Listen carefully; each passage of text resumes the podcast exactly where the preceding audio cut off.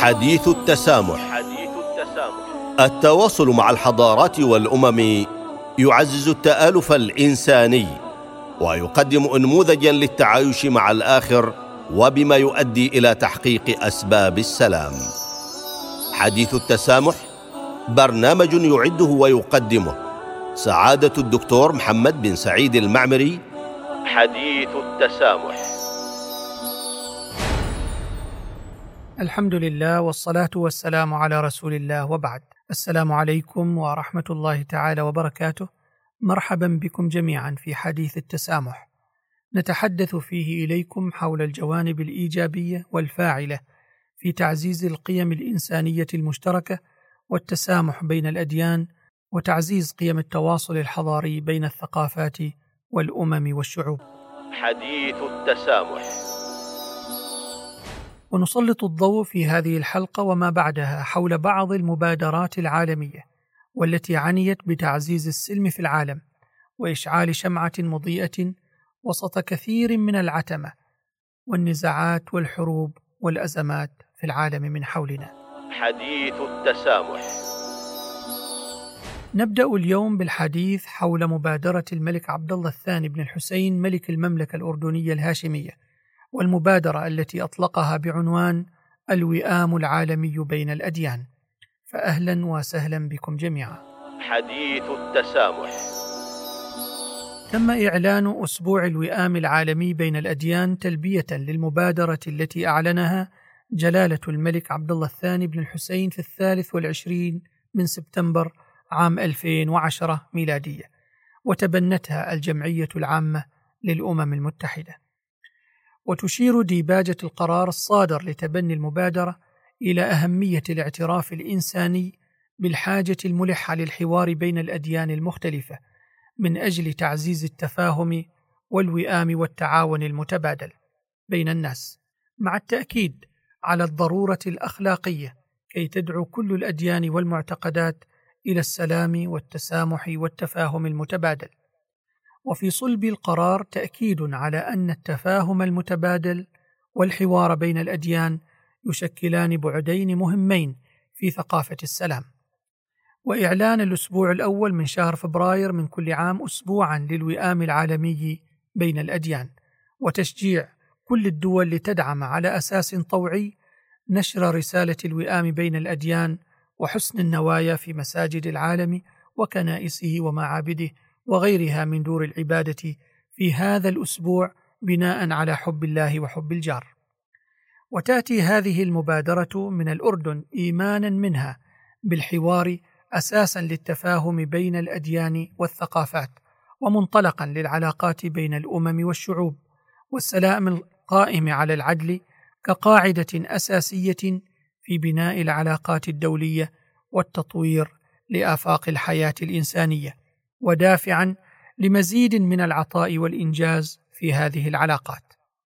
ولهذا شكلت الحكومة الأردنية لجانا خاصة من بعض أصحاب المعالي الوزراء والأمناء العامين لإعداد مسودة توضح الاستراتيجية الأردنية في تحالف الحضارات مستنيرة بالإنجازات المتعددة للمؤسسات الأردنية. وقد شارك الأردن في العديد من المؤتمرات الدولية حول حوار الأديان وتحالف الحضارات. كما كان لرسالة عمان التي أطلقها جلالة الملك عبد الله الثاني بن الحسين سنة 2004 صدى عالميا بما حوت من محاور أساسية في سماحة الإسلام وعدالته وتكريمه للإنسان واحترام العهود والمواثيق والرأي الآخر. واحساسا بأهمية هذه الرسالة وتفعيلا لمضامينها تقوم وزارة الأوقاف والشؤون والمقدسات الإسلامية في المملكة الأردنية الهاشمية بعقد دورات محلية يشارك فيها أكثر من ألف موظف وعقد دورات دولية يشارك فيها أكثر من عشرين دولة عربية وإسلامية وأوروبية. ويبلغ عدد المشاركين فيها نحو من 350 مشاركة. حديث التسامح. وتم استكتاب مئات الأئمة والوعاظ لإعداد بحوث علمية في محاور ومضامين رسالة عمان، كما دأبت الوزارة سنويا على إقامة المجالس العلمية الهاشمية في شهر رمضان المبارك مؤكدة على اختيار عناوين هذه المجالس من محاور ومضامين رسالة عمان. والمهم في هذه المبادرة أن ينفذ أتباع الديانات فكرة الحوار بمفهومها الحضاري الراقي لإزالة العقبات الوهمية التي تحول دون الاتصال والتواصل والإقناع والتقبل، وصولا إلى الاستفادة من ثقافة الآخر وتجربته عوضا عن اعتزاله وإعلان الكراهية له أو تهميشه وإقصائه. حديث التسامح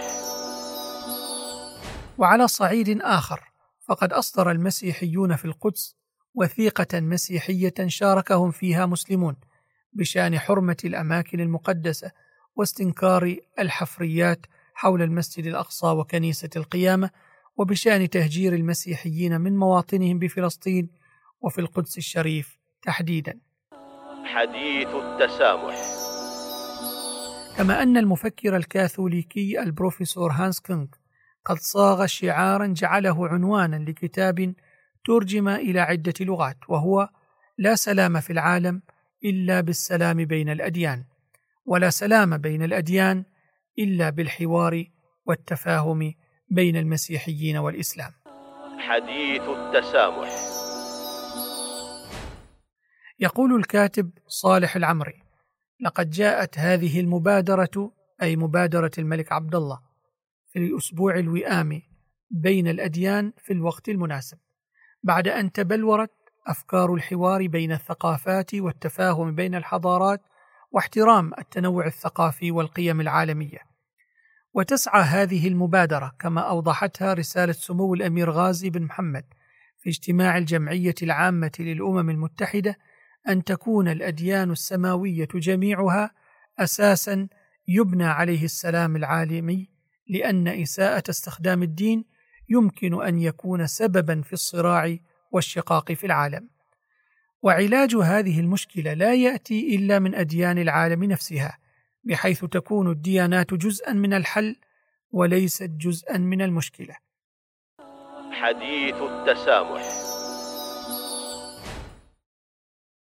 وأوضح سموه الأسس والمبادئ التي يقوم عليها مشروع القرار وتتمثل فيما يلي تنسيق جهود مجموعات حوار الأديان كافة وتوحيدها لتقوم بأعمال إيجابية وتركز على موضوع محدد في مدة معينة من كل عام ليزيد حجم هذه المجموعات ولتفادي التكرار. وأيضا تسخير القوة الجماعية لأماكن العبادة واستغلالها وهي ثاني أضخم بنية تحتية في العالم بعد التعليم لتحقيق السلام والوئام وذلك بمثابة استعمالنا للبرنامج الصحيح في الحاسوب الديني. وتشجيع الواعظين لإعلان دعمهم للسلام والوئام بشكل دائم ومستمر والقيام بتوفير وسيلة جاهزة لهم ليقوموا بذلك. فحين يعلن الواعظون والمعلمون دعمهم للسلام والوئام مرة في السنة فإنه لا يمكنهم العودة للخوف والارتياب عندما يواجهون أزمة بين الأديان، مما يزيد من فرص مقاومتهم لعصف رياح الدمو لعصف رياح التعصب والتطرف والكراهية. إن المتأمل في قرار الجمعية العامة للأمم المتحدة يلحظ وجود ثلاثة بنود مهمة تؤكد أن التفاهم المتبادل والحوار بين الأديان يشكلان بعدين مهمين في ثقافة السلام وتعلن أسبوع الوئام العالمي بين الأديان وتشجع الدول كلها أن يكون الدعم طوعيا لنشر رسالة الوئام بين الأديان وحسن النية في مساجد العالم وكنائسه ومعابده وغيرها من دور العبادة.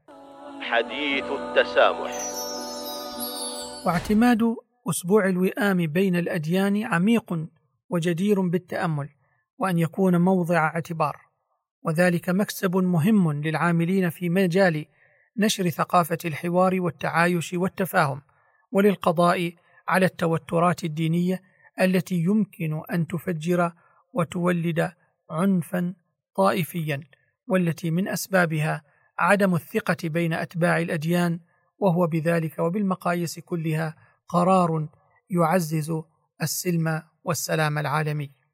نقف عند هذا الحد في التعريف بمبادرة أسبوع الوئام العالمي.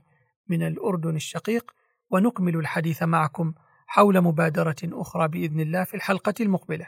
حتى ذلك الحين نلقاكم على خير ونستودعكم الله. والسلام عليكم ورحمة الله تعالى وبركاته. حديث التسامح. حديث التسامح التواصل مع الحضارات والأمم يعزز التآلف الإنساني ويقدم انموذجا للتعايش مع الآخر وبما يؤدي إلى تحقيق أسباب السلام. حديث التسامح برنامج يعده ويقدمه. سعادة الدكتور محمد بن سعيد المعمري. حديث التسامح.